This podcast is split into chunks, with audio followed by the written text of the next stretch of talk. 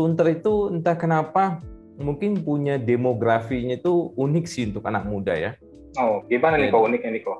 Jadi anak-anaknya itu sebenarnya relatif kreatif sih gitu. 10 tahun bukan waktu yang singkat ya, ya. kok ya? Kan masalahnya waktu kita mau itu mereka nggak pada nggak ngerti kan gitu. Jadi itu yang nentang kan cukup banyak. Yang ya. nentang kan cukup banyak. Kalau marahin sih nggak ada ya, nggak ada hmm. sih kalau marahin. Cuma kalau pas ibadah kebanyakan mungkin anak-anak remaja aja sih. Hmm. Remaja pas bandel-bandelnya kok sebutin ya. aja kok. Kalau kalau sebenarnya gini kesulitannya itu adalah gitu. Kesulitannya itu adalah mindset ya, visi sih sebenarnya. Hmm. Sharing visi untuk uh, mereka yakin bahwa di depan ini adalah jalan yang jalan yang tepat buat buat kita gitu. Jadi kita itu tubuh Kristus itu tidak mungkin semuanya nyaman-nyaman semua sih gitu. Pasti kita ada gesek-gesekan, tapi itu menajamkan.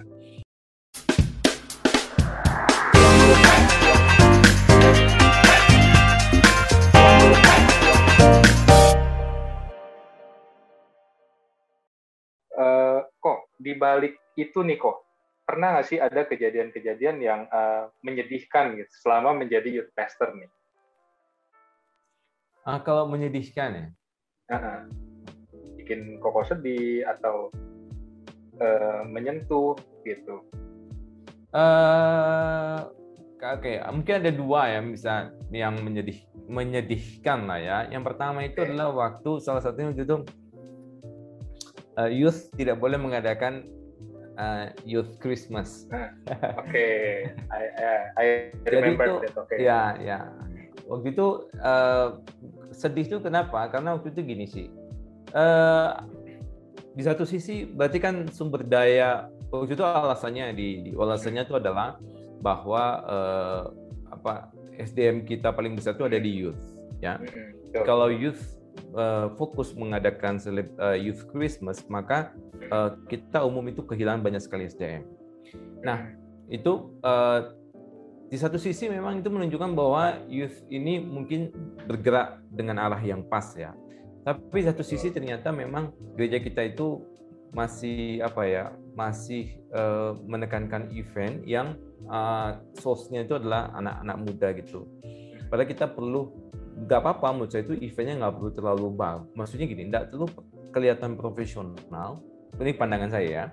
Tetapi semua orang berbagian gitu.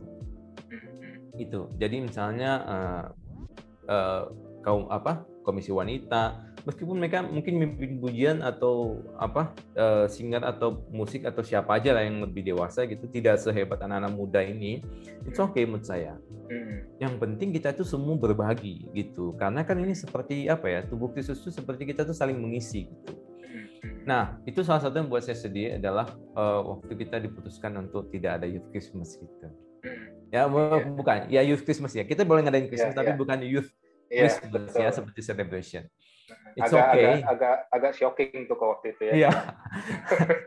saya, saya sampai sekarang suka bingung ya. suka bingung. Maksudnya kita biasanya mendorong anak muda untuk buat itu, tapi kita situ tidak mengadakan. Ya itu itu agak agak ya inilah ya. Yang kedua mungkin yang, yang paling ya yang paling menyedihkan tuh ya waktu waktu meninggalkan youth sih gitu. Oh, Oke. Okay. Ya, saya sedih itu um, sedih uh, sebenarnya sedih banget sih sebenarnya waktu itu ya. Uh, ada banyak pertimbangan waktu itu untuk saya meninggalkan youth dan um, dan uh, uh, salah satu yang saya paling sedih itu adalah karena saya detach gini saya punya prinsip kalau saya misalnya pelayanan di Suntar lalu saya tinggalkan pelayanan ini karena saya Tuhan memimpin ke tempat yang lain uh, saya perlu support uh, uh, pastor selanjutnya. Yaitu dengan cara salah satunya dengan cara tidak terlalu attach sama anak apa sama jemaat yang ada di situ. Karena kenapa? Nanti pemuda atau youth itu membanding-bandingkan dan kemudian itu cerita lagi sama saya, cerita lagi sama saya gitu. Nah, karena saya punya prinsip saya harus detach, nggak punya attachment lagi supaya jaga jarak begitu setelahnya. Nah, meninggalkan meninggalkan Sunter itu buat saya itu mm, menyedihkan gitu ya. Karena karena saya akan gini saya harus mening harus kehilangan keluarga sementara maksudnya gitu. Kalau sekarang saya boleh sih maksudnya saya bisa tes lagi karena udah ada jarak yang cukup jauh gitu Hmm. Tapi kalau misalnya waktu itu tetap nempel, masih masih WA, masih ada dalam grup apa gitu, hmm. ya saya nggak support dong sama hamba Tuhan yang selanjutnya untuk melayani. Oh, gitu. I see, I see. Ya. Okay. Ya bayangan lah ya kalau kita jadi orang baru, terus kemudian semua jemaat ini masih ngomong sama gembala yang lama, ya, yang lama. jadi nggak enak ya. Betul. Itu salah satu cara saya support rekan pelayanan saya sebagai hamba Tuhan yang baru adalah eh, sebagai pemimpin yang baru, menggembala yang baru adalah dengan memutuskan hubungan itu secara sengaja. Nah itu membuat saya kehilangan banyak sih, kehilangan banyak dan uh, itu momen momen paling menyedihkan dan menyakitkan lah gitu. Jadi saya harus misalnya ada yang chat, saya harus sengaja untuk balasnya lama dan sengaja untuk tidak. Dia cerita ada oh, dia ada pelayan ada punya masalah lagi masih cerita. Nah saya mencoba untuk mengarahkan dia kembali kepada kamu punya pestering baru loh gitu gitu gitu nah kehilangan persahabatan, kehilangan teman, kehilangan keluarga itu yang yang yang paling menyedihkan sih. Oh, ternyata itu. Mungkin teman-teman yang dulu yang bertanya-tanya, bertanya-tanya akhirnya kejawab nih dari podcast ya. hari ini nih ya. Oke, berarti ternyata gini loh kok. Eh, rahasianya bukan hanya Koko yang merasa sedih. Waktu itu kita teman-teman pengurus juga merasa bingung, sedih dan don't know what to do next. Ya gitu. Seperti kalau istilah dulu teman-teman yang di pengurus bilang seperti ayam kehilangan induk. Ya. gitu kok. Ya tapi uh, ternyata itu alasannya ya. Memang ya. uh, secara pelayanan memang tujuannya adalah bukan manusia yang disenangkan tapi Tuhan yang dimuliakan ya kok ya. Yes. ya mungkin waktu itu posisinya kita nggak senang nih aduh kok si Koanta langsung tinggalin begini gitu ya. Tapi ternyata ada visi yang jauh lebih besar ya ternyata ya kok ya, ya Oke, ini buat sama-sama kita semua belajar nih teman-teman ini ya. Nah, kalau misalnya momen yang paling membahagiakan apa kok? Ada nggak kok? Momen momen yang gini ya, momen yang paling membahagiakan tuh gini sih. Uh, momennya tuh gini sih, waktu waktu youth itu terbentuk, waktu gini ya, waktu mereka waktu waktu kalian mulai mulai ngerasa bahwa iya iya iya kita perlu bikin youth ministry Nah, itu momen-momen di mana saya merasa bahwa apa ya? bahwa ini akan akan akan jadi gitu ya. Waktu okay. mulai berdiri terus kita bikin uh, logo. Logo itu dibuat hmm. oleh Nico sih, Nico Almarhum. Oh iya. Oh iya iya, pokoknya. Ya. Uh, dia pemenangnya waktu itu. Uh, yaitu salah satu legacy dari Nico untuk yep. untuk Sunter ya. Uh, apa itu momen-momen yang buat saya ini ya waktu kalian bekerja dengan ngerti kalian mau ngapain dan sebagainya gitu. Terus kemudian uh, sebenarnya gini, mom, salah satu momen kelanjutan yang saya bahagia itu adalah saya punya visi sih sebenarnya mereka yang ada di youth ini akan meneruskan pelayanannya sampai ke kemajelisan gitu. Makanya saya support uh, gini anak muda gini ya kita waktu di waktu di youth ya itu hmm. anak muda itu paling suka kritik majelis ya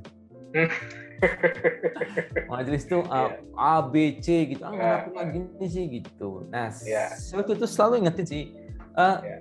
apa kan kalian perlu waktu gitu untuk memahami gitu. Dan kalau kalian punya beban punya visi gak usah terlalu banyak cincong lah istilahnya ya gitu yeah, ya. betul betul. Bekerjalah nanti waktu kamu jadi majelis.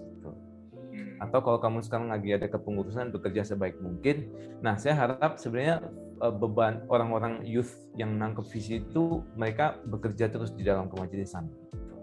Hmm. Makanya uh, apa? Saya senang sih gitu ketika kalian itu uh, mulai mulai melayani sebagai majelis gitu. Karena majelis itu hmm. bagaimanapun adalah decision maker untuk banyak sekali apa keputusan strategis dari gereja. Oke, wah berarti uh, visi misi Kowanta dalam skup kecil berhasil nih kok. Ya. 70 70 80 persen dari anak KTB majelis semua. Wah. gua Aseng sama Adit. Oh, Aseng gini ya. Iya, iya, Aseng periode ini. Aduh, puji Tuhan. nah, itu itu itu sebenarnya salah satu ini sih ya, salah satu waktu pertama mulai Adit yang naik ya. Iya. Ya itu waktu itu saya jujur aja waktu itu saya banget sih gitu. Terus waktu waktu lu naik ya, hmm. waktu kamu naik don, uh. terus, uh, uh, terus waktu itu asing juga punya keinginan gitu ya, hmm. terus uh, cuman dia waktu itu Iya tahu, adalah masalah gimana nah. gitu. Jadi dia belum bisa naik waktu itu. Nah, saya boleh tahu kalau dia sudah naik kali. Iya, periode yes. ini kok. Ya. Ya memang porsinya sih uh, di kemajelisan uh, bukannya ini ya kok ya. Maksudnya bukannya kita kepengen oh isinya anak muda biar lebih seru gitu. Enggak ya kok ya. Memang harus regenerasi itu terjadi ya betul, sebagai satu kesatuan tubuh ya. Ya. Biar ada sinergi itu tadi ya kok ya. Ya. Karena ini juga dan itu salah satu visi yang kita selalu bahas dan kita bicarakan itu adalah gini. Gini waktu itu salah satu yang saya selalu sampaikan di pemajelisan tentang kenapa kita perlu berjuang untuk youth ini adalah gini hmm. kita kehilangan anak muda hmm.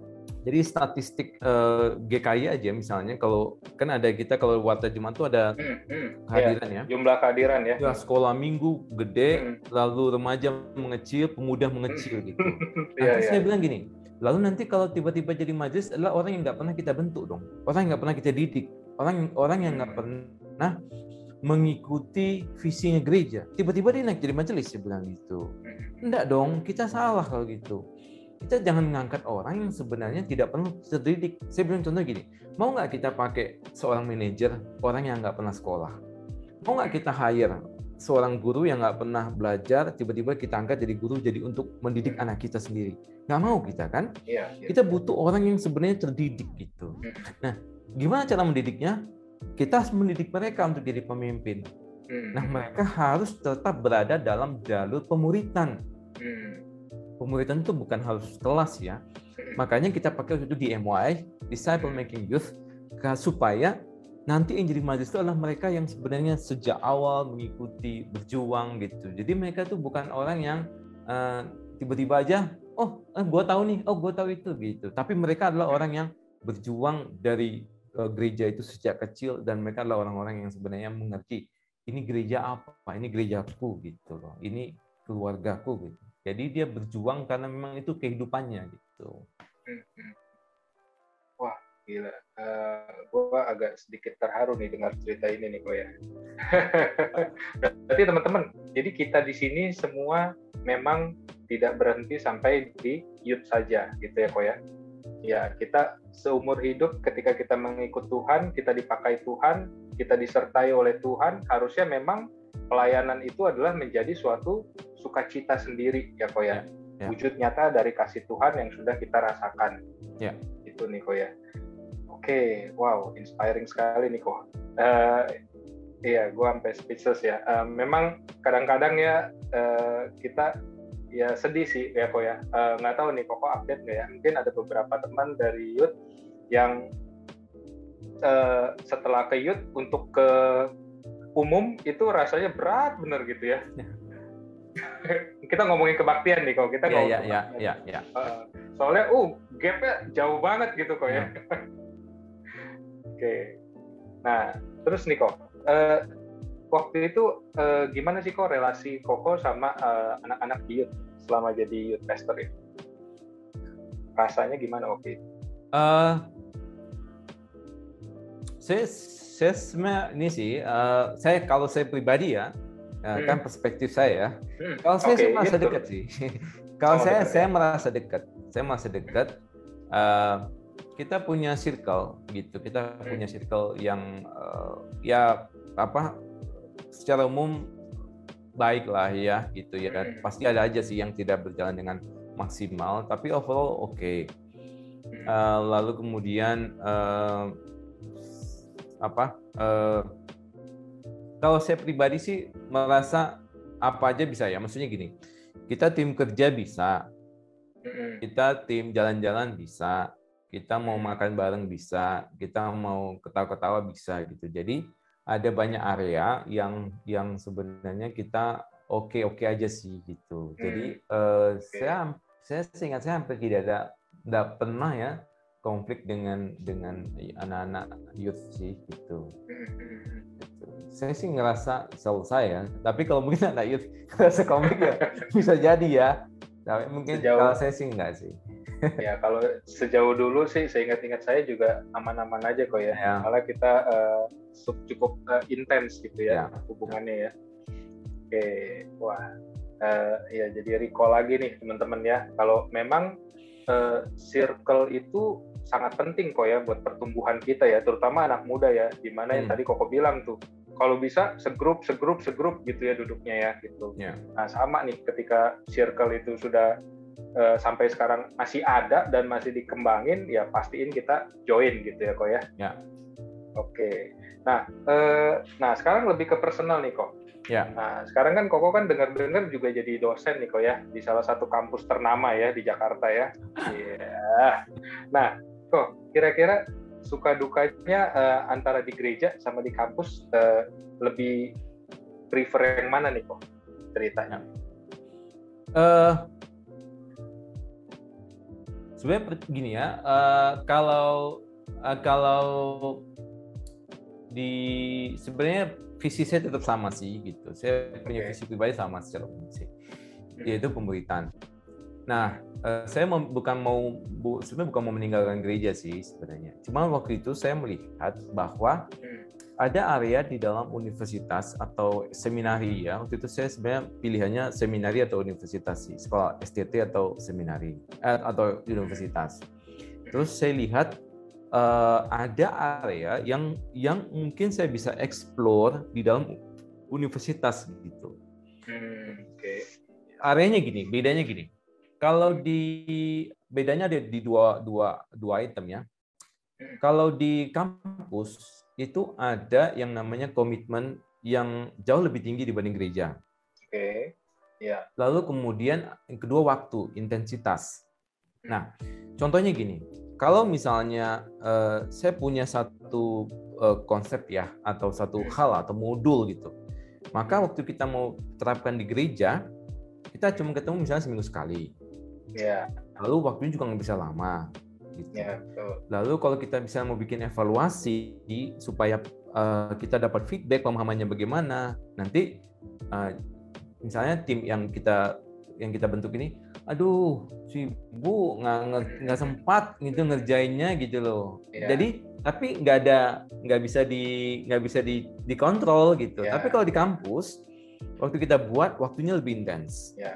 mereka betul-betul fokus untuk dibentuk di situ lalu waktunya cukup banyak gitu loh kemudian eh, kalau kita kasih tugas supaya mereka latihan-latihan untuk membentuk hidup mereka, itu mereka pasti kerjakan. Tidak kerjain nggak mungkin, kan ada nilai di situ. Oh iya betul, ada ya, kewajibannya juga ya. Ada kewajiban. Nah itu area yang ingin saya eksplor waktu itu di universitas. Nah tetap makanya saya bilang tuh uh, waktu itu beban saya tetap pemuritan. Uh, lalu ada yang satu yang saya miss di universitas. Universitas itu salah satu kelemahannya gini, uh, karena dia bentuknya formal, yeah. formal, maka relasi itu tidak bisa sedekat kayak kita di gereja, hmm. gitu. Tidak bisa yeah, kayak yeah. di gereja. Nah, ini ada gap yang yang yang sulit gitu. Padahal padahal pemuritan itu salah satu paling besar itu adalah hidup ke hidup gitu. Jadi bukan hmm. bukan teaching ke hidup, hmm. tapi dari hidup ke hidup gitu. Hmm. Jadi uh, saya itu bisa mengubah orang dengan hidup saya bukan dengan khotbah saya gitu.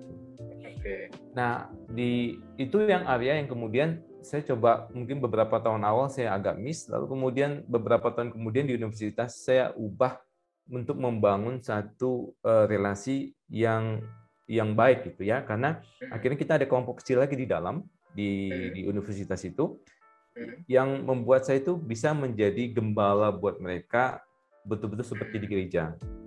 Oke. Nah jadi ada komplit lah gitu. Nah di gereja yang tadi saya sebutkan tadi uh, yang tadi itu missnya gitu. Nah salah satu waktu itu saya ngobrol sama Pak Pak siapa Pak Rian itu tuh di Jogja. Nah dia bilang gini, coba bandingkan, pertanyaan sama sih, coba bandingkan hasil pelayanan di gereja dan di uh, universitas. Oke, okay. kalau di gereja susah mengukurnya, misalnya, oke okay, dia baru serius di gereja, anggaplah eh, empat uh, tahun yang lalu, sekarang, gimana kita ngukur keberhasilannya? Nah agak susah, pertumbuhannya keukur nggak? Nah, gereja agak miss daerah seni. Hmm. Tapi kalau misalnya di kampus, kebaca, ada nilai, hmm. waktu dia baru masuk tingkat satu, dia lulus tingkat empat, programnya selesai, pembentukannya hmm. selesai gitu. Nah, karena saya waktu itu saya ada di fakultas uh, keguruan untuk membentuk guru Kristen, hanya Kristen doang yang ada di situ. Jadi sesuai visinya gitu. Nah, tapi gereja menurut saya, ini yang saya belajar di universitas ya. Gereja mungkin perlu apa ya? Gereja nanti misalnya contohnya, udah 20 tahun di gereja, enggak berubah-berubah hidupnya. Gitu gitu aja.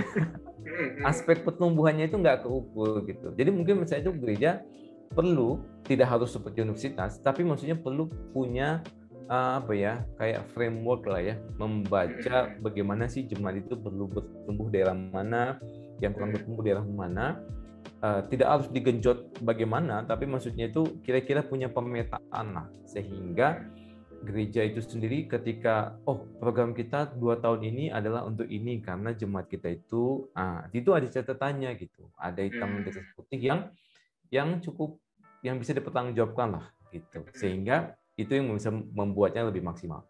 Jadi kalau misalnya pertanyaannya apakah lebih uh, di antara dua ini, saya sebenarnya melihat dua-duanya ada ada ada areanya masing-masing lah ya. Uh, uh, di sini untuk sementara ini saya ada di sini. Uh, saya belum tahu sampai kapan. Apakah saya akan kembali ke gereja? Saya juga belum tahu. Maksudnya saya belum dapat beban apa-apa gitu.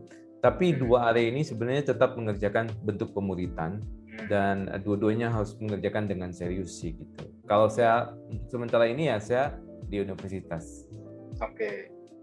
Ya, thank you kok. Uh, ya, mungkin kalau di gereja ngukurnya lebih gampang kali kok ya. Dari Apa? gereja uh, dia habis dari youth dia ke mana nih? kalau kalau mukanya udah gak kelihatan di umum, nah nggak sampai 20 tahun kok. Ya, ya, oke oke oke. Ya, uh, teman-teman, ya banyak banget ya yang kita dapat nih hari ini nih ya.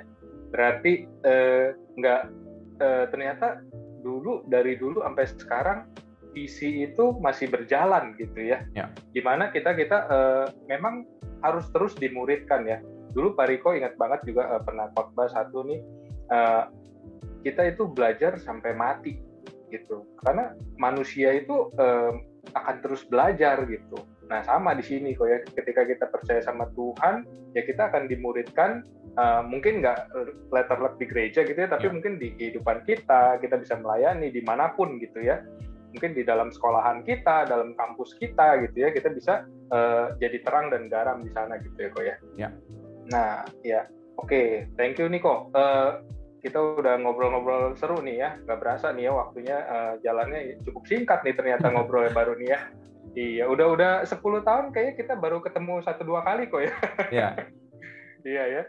Iya. Oke, uh, terus nih kok, sebelum kita akhirin nih ya, uh, kira-kira nih buat uh, anak-anak youth sekarang nih kok, apa pesan-pesan Kowanta untuk kita semua? Uh, kalau untuk anak-anak muda, gitu ya, anak-anak muda, uh, kalau saya pribadi sih ya melihat bahwa um, don't waste your life, gitu. don't waste. Gitu. Jadi uh, hidup mudamu itu sebenarnya hidup yang menyenangkan gitu. Uh, pengkhotbah itu kasih advice ya, saya ambil dari pengkhotbah uh, bersenang-senanglah di masa mudamu, nikmati kemudaanmu dengan baik, dengan maksimal gitu ya, yang nggak akan kamu nikmati lagi gitu. Contohnya misalnya kayak saya sama Doni ini kan udah nikah gitu ya, uh, kita tidak bisa sebebas dulu ya kan, ya dan ya. ya. Betul, ya, betul. Jadi ada, ada jam malam masa... ya kok ya? Ah, ah enggak ya, sama ya, ada jam malam. Iya, jam malam ya. Tapi kalau dulu tuh waktu itu kita masih bisa inilah ya ah, tanggung yeah. jawab, maksudnya pulang ke rumah itu tidak ada tanggung jawab khusus Betul. gitu, ya. Nah, jadi masa mudamu itu masa uh, nih kamu kamu bertanggung jawab terhadap keluargamu, orang tuamu, tapi bukan kamu yang mempertanggungjawabkan mereka gitu. Jadi uh, ada banyak ruang yang kamu bisa nikmati gitu. Dan dan uh, pengkhotbah itu memberikan apa advice nikmati masa mudamu dengan sebaik mungkin. Tetapi kamu jangan maksudnya gini jangan menumpuk dosa di situ. Ya dan takutlah akan Tuhan jadi semasa mudamu itu nikmatilah semuanya di dalam takut akan Tuhan gitu. Jadi jangan membandingkan bahwa gitu, kalau rohani itu berarti nggak jalan-jalan, nggak gaul gitu ya. Oh itu mah, itu mah kampungan banget. Dulu ya kok. Pemikiran zaman dulu ya. Iya, nggak. Justru saya pikir kalau misalnya baca kitab itu nggak rohani sih, gitu. Ah. Ya, rohani jadinya.